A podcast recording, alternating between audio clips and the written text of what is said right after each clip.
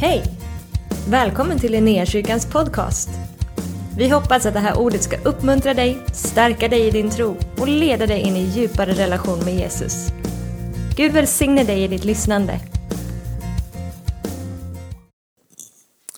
Och vi står kvar så läser vi dagens evangelietext hämtat ifrån Lukas evangeliet kapitel 12, vers 4 till 7. Till er mina vänner säger jag, var inte rädda för dem som dödar kroppen och sedan inte kan göra mer. Jag ska visa er vem ni ska frukta. Frukta honom som har makt att döda och sedan kasta i Gehenna. Ja, jag säger er, honom ska ni frukta. Säljs inte fem sparvar för två kopparmynt och inte en enda av dem är glömd inför Gud. Ja, till och med alla hårstrån på ert huvud är räknad. Var inte rädda, ni är mer värda än många sparvar. Så lyder det heliga evangeliet. Lovad vare du Kristus. Varsågod och sitt. Det jag vill att ni tar med er från den här predikan idag, det är att ni är värt mer än många sparvar. Är inte det en fantastisk tröst hörni? Många sparvar till och med. Det är underbart budskap. Jag måste säga att när man läser de här texterna, dagens tema är ju evighetshoppet. Så måste jag säga att de första två texterna, de, eh, det pirrar lite godare av de texterna. När man får höra om hur, hur Guds folk ska resa sig upp ur gravarna, hur Guds folk kommer komma in i himmelriket där Guds tron står mitt i staden. Där Guds härlighet kommer lysa på ett sätt som gör att solen eller lampor inte längre behövs. Det här underbara löftet om livet tillsammans med Gud i evighet verkligheten. Så kommer evangelietexten. Och det är lite hårt. den är lite mer så här, ni ska inte frukta dem som kan, enbart kan döda eran kropp, utan ni ska frukta Herren, han som kan kasta er i Gehenna. Det är, liksom, det är lite, lite hårdare. Eh, men poängen med här, den här texten är inte att visa att Gud är en hård, grym domare, utan det handlar om att ge oss perspektiv. För jag tror att vi alla ibland kan brottas med människofruktan eller prestationskrav inför människor och samhälle. Att den här rädslan för att sticka ut, kanske framförallt här i Sverige, ni vet jantelagen ligger där som en våt filt över de flesta av oss. Vi ska inte sticka ut, vi ska inte tro att vi är någonting, utan vi ska bara liksom hålla oss i ledet, synas och höras så lite som möjligt. Men om vi bara zoomar ut ifrån det här och tänker på att vi ska frukta Herren. Det handlar inte om att vi ska vara rädda för honom. Det handlar inte om att vi liksom ska bäva när vi hör hans namn eller när vi kommer krypandes på knäna. För vi vet om vi har läst Bibeln att Bibeln ger en så mycket bredare bild av hans karaktär. Vi får läsa om eh, den gode fadern, eller den gode herden. Ni vet den här berättelsen om den förlorade sonen när pappan lyfter upp sin klädnad och springer sin son till mötes. Pappan som inte dömer utan pappan som faktiskt låter sin egen son dö, lida för att du ska kunna gå fri. Men perspektivet jämfört, mot, jämfört med människofruktan blir när vi står i en situation där vi möter människor eller samhällets tryck. Vad är vår blick fäst på? För sätter vi blicken fäst på människor och det de säger, tänker och tycker om oss i jämförelse med vem Gud är, så blir den där människofruktan ganska liten och patetisk. Att ha en respekt och en vördnad inför vem fadern verkligen är. Tänk er relationen med en riktigt, riktigt nära vän eller familjemedlem. Någon som ni vet bryr sig om er så mycket. Och så har man gjort någonting dumt. Man har gjort bort sig. Det är inte, när man möter en person, det är inte rädslan för att den här personen kommer bli totalt vansinnig och banka på en. Utan rädslan ligger i att tänka att jag har fått göra någon besviken. Någon som älskar och bryr sig så mycket om mig har jag svikit. Samma relation blir det till Gud när vi vet vem han är. Att vi får komma inför honom och bara känna att oh, det här som skaver i mig, det är inte att jag är rädd för att bli dömd, utan det är för att jag vet vem han är, hans kärlek emot mig. Och varför pratar evangelietexten om det här när vi pratar om evighetshoppet. Jag tror det är så att det finns två diken för oss. Jag tror att allt för ofta så pratar vi bara om evigheten, om det underbara vi kommer få möta när det här livets plåga eller glädjeämnen, allt det där tar slut och vi får kliva in i himmelriket. Det där fantastiska som vi får möta när vi står ansikte mot ansikte med Jesus. När vi försöker dela evangelium med någon så pratar man om att det finns ett liv efter döden. Vi behöver inte längre frukta döden. Eller så pratar vi om vad Gud vill göra i våra liv här och nu. Vi pratar om hur han vill bryta loss bojor kring våra kroppar, hur han vill befria vårt sinne så att vi får erfara honom här och nu. Och jag tror alltid det finns en risken att vi överbetonar det ena eller det andra. Man lägger en för stor vikt vid det ena och glömmer bort det andra. Poängen är dock, som vi alla vet, att det finns en mittenväg. Det finns en väg där de här båda kan få vara med och forma vårat liv. Jag tror att vi behöver vara människor som lever med fötterna på jorden och huvudet i himmelriket. Där vi har evigheten, löftet som Gud faktiskt har gett oss för våran blick samtidigt som vi är jordnära och lever här och nu. Och jag tror att vi måste i våra egna liv påverkas av evighetslöftet redan idag.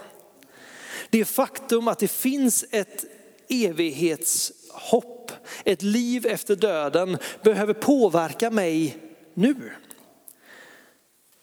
Och vetskapen om att hur jag väljer att leva mitt liv, det påverkar också evigheten.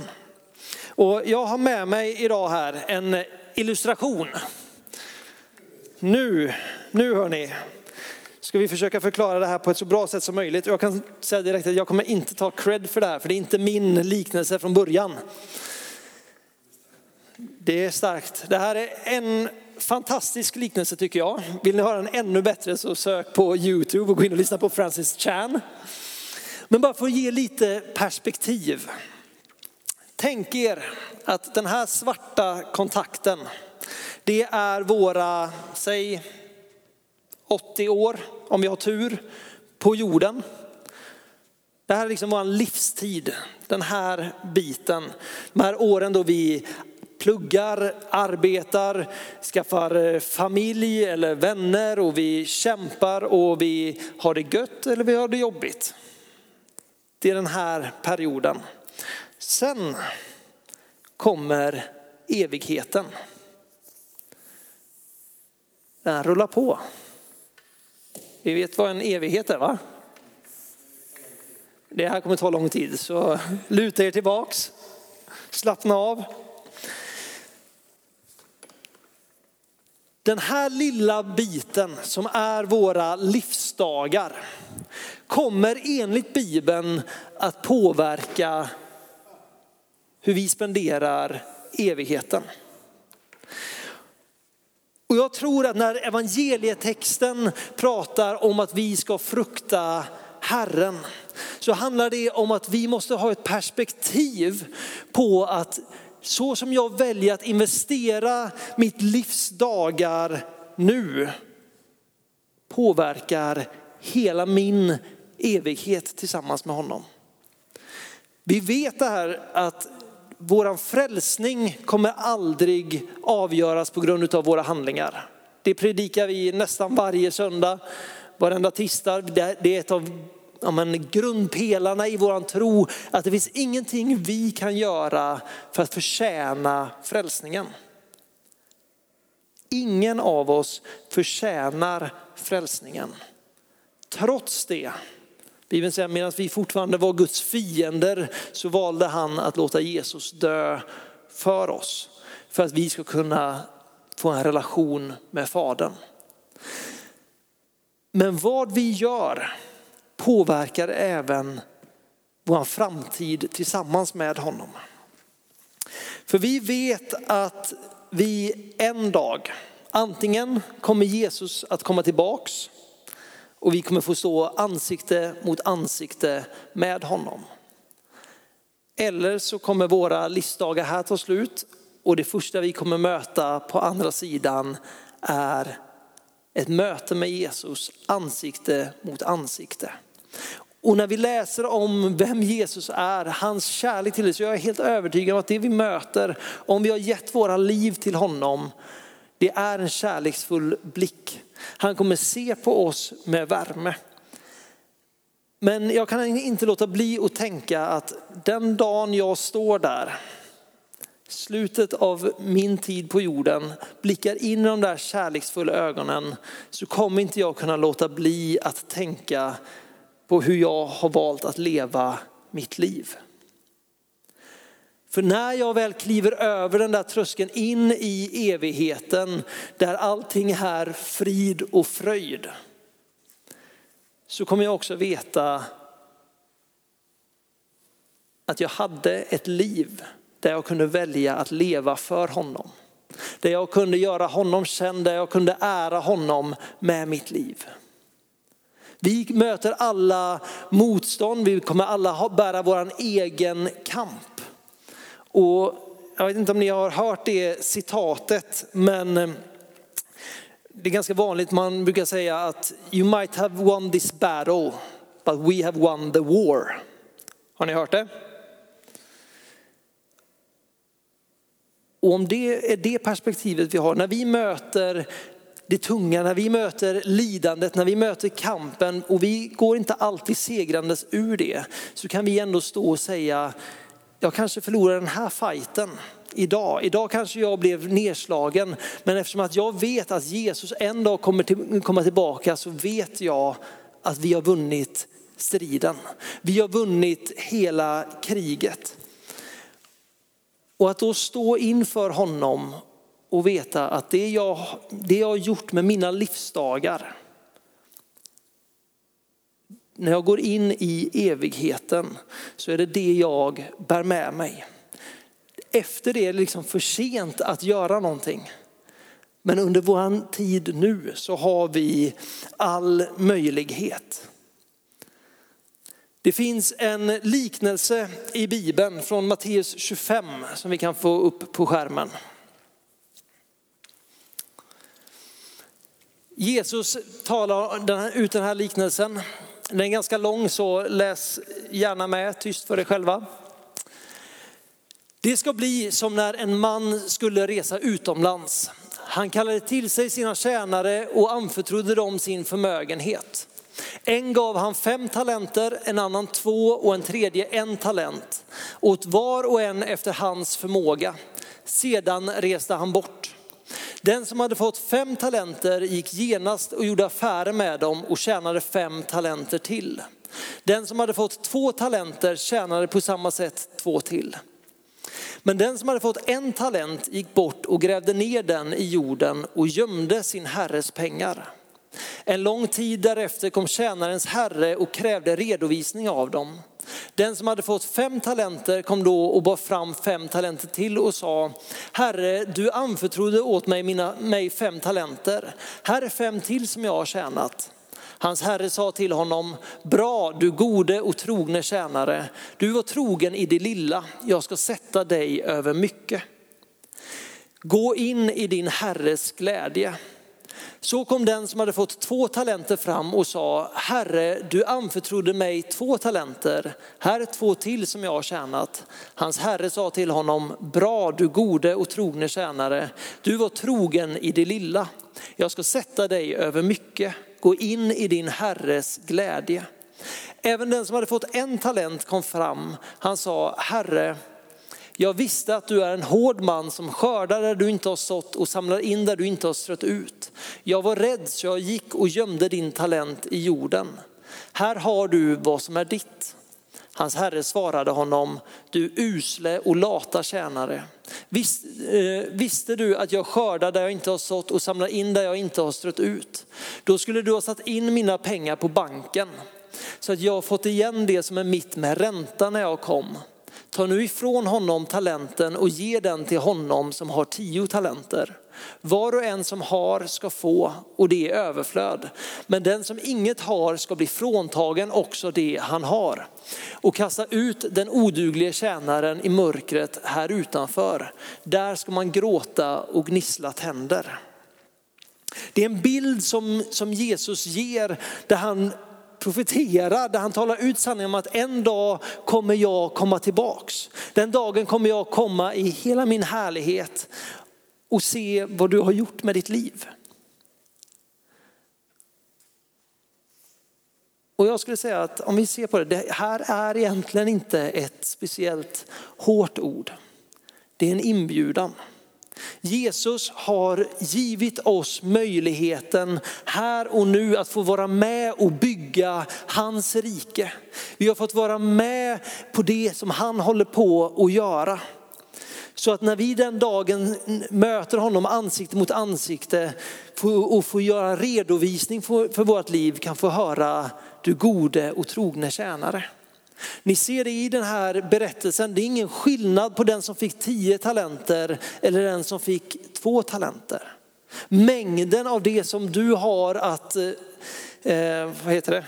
administrera eller förvalta, tack Jakob.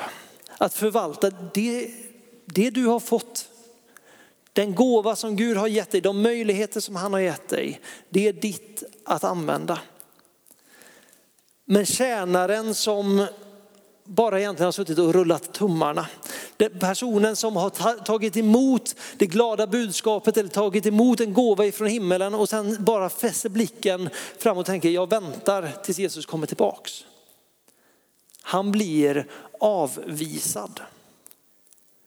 Därför Gud har inte bara frälst oss till ett evighetshopp. Det är ett enormt löfte som han har gett dig att döden inte kommer ha någon makt över dig. Den synd som vi har gjort den kommer inte kunna binda dig i graven därför Jesus har betalat priset. Det löftet finns för var och en av oss som har tagit emot honom. Löftet om en evighet tillsammans med Gud. Men evigheten börjar redan nu. Evigheten börjar när vi tar emot honom. Därför han bjuder då in oss i Guds rike till att vara en del av det han gör.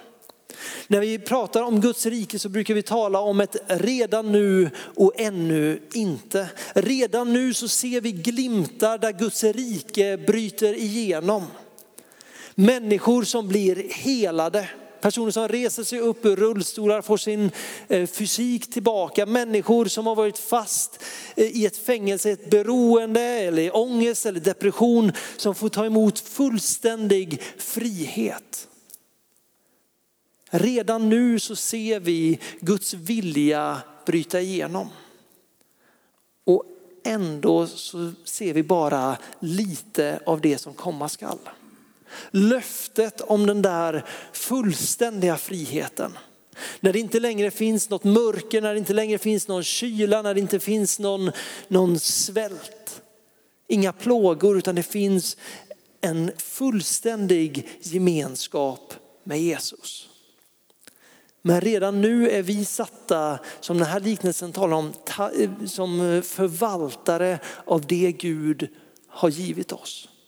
Han har givit oss det glada budskapet. Han har gett oss, satt in oss i försoningens tjänst för att få vara med och utbreda hans rike. Paulus var en man som, som visste detta. Och jag vill bara att, att vi återigen zoomar ut, för jag tror att för oss i Sverige, det är inte mycket förföljelse av kristna, det är inte många som svälter, det är inte många som lider om man jämför med den tiden eller i många andra delar av, land, eh, av världen. För oss är det ganska lätt att leva bekväma liv, avslappnade liv. Vi behöver inte i mångas mening Gud till speciellt mycket. Vi kan ha det ganska drägligt ändå. Men det finns platser på den här jorden idag, det var specifikt så i Paulus tid och hans liv, där det var ett ständigt tryck och ett hot mot deras liv för att de bekände Jesus som Herre. För de här människorna, för de här lärjungarna så var hoppet om evigheten avgörande. De visste att det kommer komma en dag då jag slipper kampen, då jag slipper lidandet. Och vad var det som fick dem att uthärda? Vad var det som fick dem att orka kämpa på? Det står så här i Romarbrevet eh, 8, vers 18. Jag menar att den här tidens lidande inte kan jämföras med den härlighet som ska uppenbaras och bli vår. Paulus levde minst sagt med fötterna på jorden. Han visste alla de svårigheter som församlingarna var utsatta för. Han hade egen erfarenhet av förföljelsen av kyrkan. Han visste vad det kostade att säga Jesus är Herre i mitt liv. Men han kunde uthärda, han kunde hålla ut därför att han visste att det fanns någonting som väntade på honom. Jesus säger i Matteus 6, vers 16 till 18, vi kan få upp den här. Nej, det var inte alls den jag tänkte på. Ett ögonblick. Det är jag som har gett Eskil fel text här. Matteus 6, vers 19. Samla inte skatter på jorden där rost och mal förstör och där tjuvar bryter sig in och stjäl. Samla er skatter i himlen där varken rost eller mal förstör och där inga tjuvar bryter sig in och stjäl. Ty där din skatt är, där kommer också ditt hjärta att vara. Om vi tänker oss bilden, vårat liv. Om den här, de här åren påverkar vad vi möter i evigheten, hur väljer vi då att leva våra liv? Vem är det vi väljer att frukta när vi vet vem det är som står som segrare på den sista dagen? När vi vet att människor kan slå oss, de kan håna oss. I Sverige oftast så skrattar de åt oss eller rynkar på näsan. Det är en ofta så nära vi kommer förföljelse. Vi har ett liv, vi har en tid här när vi är begränsade av den här världens omständigheter. Där vi kan få leva, där vi kan göra ett aktivt val att leva varje dag för att investera i det som komma ska. Att leva som Paulus med blicken fäst på löftet om evigheten. Veta att det jag lider eller det jag utsätts för idag, det väger lätt jämfört med den härlighet som kommer. För vi kan sälja in ett löfte om evigheten hur enkelt som helst. Vi ser det i de flesta religioner, vi ser det i de flesta kulturer. Hoppet om någonting efter döden. Men det finns en inbjudan från Jesus idag. Att påbörja evigheten nu, att få vara med och utbreda hans rike idag. Att förvalta de där talenterna som vi har blivit givna för att en dag få stå där inför honom och kunna säga Jesus, jag har levt mitt liv för dig. jag har gett allt jag är för dig. Tänk att få stå där på den sista dagen, möta hans blick och veta att Jesus, jag har gett allt jag har kunnat för dig. Det är så jag hoppas kunna sluta mitt liv. Jag hoppas att det inte är en uppräkning av hur många Netflix-timmar jag har. Ja, det, det är en del vid det här laget. För när vi pratar om evigheten, när vi pratar om evighetshoppet så är inte det bara någonting som ligger där framme utan det är någonting som vi bygger och investerar i här och nu. Det är ett liv som vi påbörjar här och nu, där vi redan nu får smaka himmelriket. Där vi får förnimma det som komma ska, hoppet om härligheten tillsammans med Gud. Paulus säger också i eh, Romarbrevet 8, fast lite längre fram, vers 23. Ska vi se här. Vers 24. I hoppet är vi frälsta, men ett hopp som man ser uppfyllt är inte längre något hopp. Vem hoppas på det han redan ser? Men om vi hoppas på det vi inte ser så väntar vi uthålligt. Att positionera oss för hans sanning, inte utefter våra omständigheter. Att positionera oss i livet, inte utifrån vad människor kommer tycka och tänka, utan för vad Gud kommer att tycka och tänka om oss. Inte i rädslan för honom, utan därför att vi vet att han älskar oss. Han älskar oss och han vill ha med oss att göra. Han har redan betalat priset och vi får redan nu säga Jesus, det här är värt att leva för. Det här är värt att agera på. I Filipperbrevet 3 så säger Paulus så här. Inte så att jag redan har gripit det eller redan har nått målet. Men jag jagar efter att gripa det eftersom att jag själv är gripen av Kristus Jesus. Bröder, jag menar inte att jag har gripit det än, men ett gör jag. Jag glömmer det som ligger bakom och sträcker mig mot det som ligger framför och jagar mot målet för att vinna segerpriset. Guds kallelse till himlen i Kristus Jesus. Så bör vi tänka, vi som är mogna. Och tänker ni annorlunda i något avseende ska Gud uppenbara också det för er. Låt oss bara hålla fast vid det vi nått fram till. Paulus liv präglas av evighetshoppet, om löftet om att döden är besegrad och att det finns ett liv fullkomligt tillsammans med Gud. Så han väljer att inte se på det som har varit, inte heller kanske bara fokusera på det som är nu, utan han har blicken fäst på himmelen. Och han låter hans liv gå i den linjen. Jag vet inte om ni har spelat discgolf någon gång. Men väldigt ofta när jag spelar discgolf så träffar jag träd. Kanske bara finns ett eller två träd på banan men jag ska banne mig träffa det trädet ändå. Och det handlar väldigt ofta om att man kommer fram på ett sånt här hål. Discgolf för er som inte vet det, det är när man kastar frisbee mot en korg. Och det finns en ganska tydlig linje. Det finns ett mål där framme, men det som så ofta händer för mig är att jag ser alla hinder på vägen. Jag ser allt det där som jag ska undvika. Vilket gör att eftersom min blick är fäst på det som jag ska undvika så är det där mitt sikte hamnar. Har jag blicken fäst på den rätta vägen eller på den utstakade vägen så är mitt sikte mycket skarpare.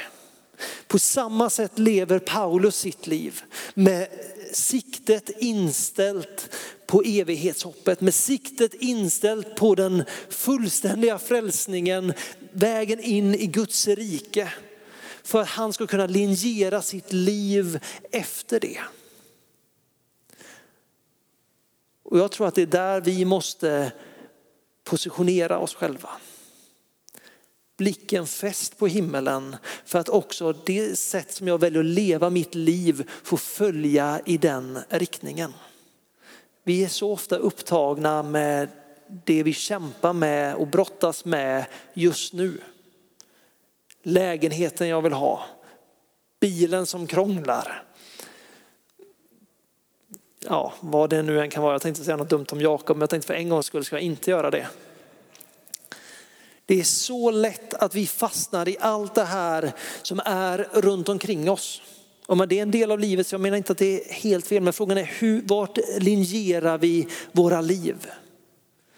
Vi vet, vi har svaret framför oss, vi vet hur historien kommer sluta. Vi vet att en dag så står vi där.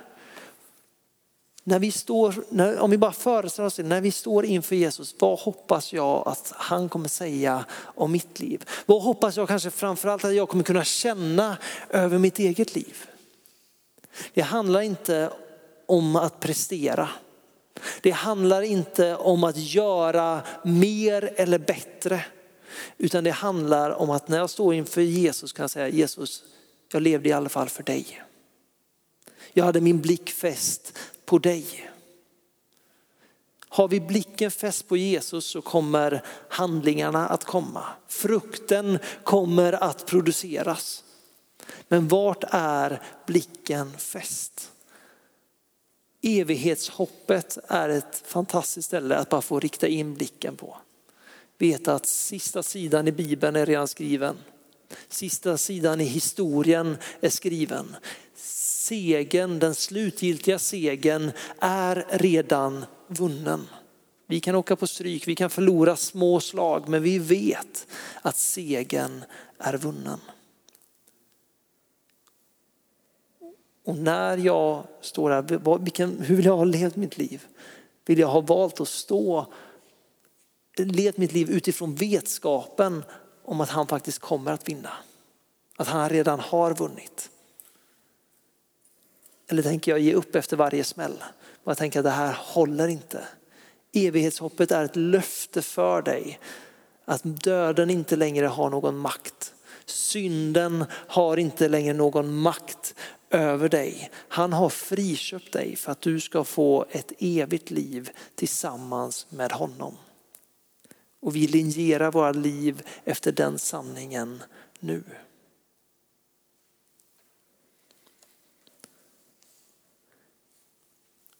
Jag tror att om du finns här inne idag som eh, kanske inte ens funderat på på evigheten, funderat på hur man har levt sitt liv innan, så tror jag det finns en inbjudan till det att idag bara se Jesus, det är dig jag vill leva för. Det är dig jag vill leva mitt liv för. För att få erfara hans frihet idag. Få påbörja vandringen med honom idag.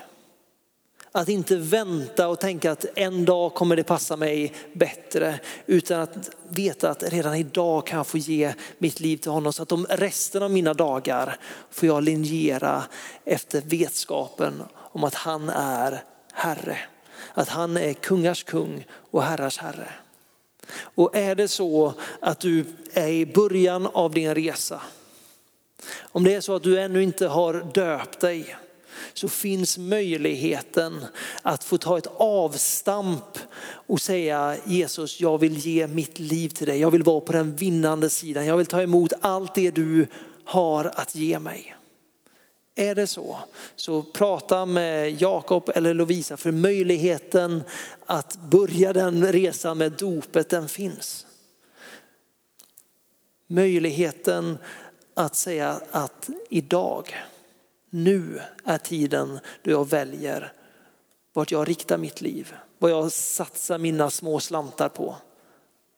Antingen satsar jag det på mig själv eller så satsar jag det på Jesus. Vad väljer du att betta på? Den inbjudan finns. Den finns inte bara idag, den finns imorgon, den finns på söndag. Att bara satsa ditt liv på honom allt du är. Att investera dina dagar för löftet om evigheten. Att inte samla de där skatterna här och nu utan att faktiskt, som Bibeln säger, samla skatterna i himlen. För att en dag få stå där inför honom gå in i gemenskapen fullt ut med honom. Det är värt det. Amen. Tack för att du har varit med oss. Hoppas du känner dig inspirerad av Guds ord och har fått nya perspektiv. Hör gärna av dig till oss och berätta om Gud har rört vid dig på något sätt. Vi är så glada att få höra vittnesbörd om vad Gud gör. Du kan mejla oss på adressen info och dit kan du även mejla om du har ett böneämne som du önskar att vi ber för. Eller om du har tagit emot Jesus och inte har någon bibel så vill vi mer än gärna skicka en bibel till dig. Skicka ett mejl med ditt namn och dina adressuppgifter till info så ser vi till att du får en. Om du vill ge en gåva till Linnéakyrkans arbete för att nå fler människor med evangelium så kan du swisha till 123 520 0993. Du kan också besöka oss på linneakyrkan.se för att få mer information. Välkommen tillbaka att lyssna snart igen.